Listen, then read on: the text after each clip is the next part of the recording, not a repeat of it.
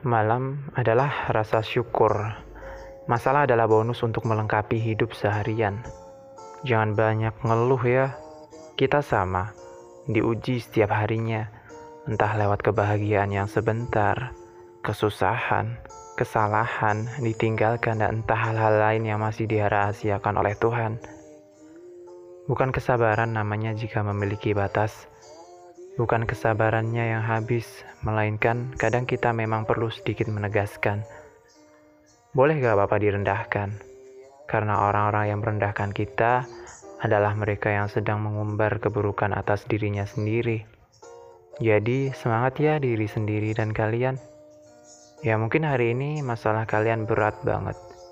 Coba sesekali mampir di tepian jalan sudut kota masih banyak yang bersyukur meskipun mereka tidak punya tujuan pulang, dan bahkan makan pun kadang-kadang. Tapi Allah sudah menjamin atas kehidupannya. So, bersyukur for today. Alhamdulillah.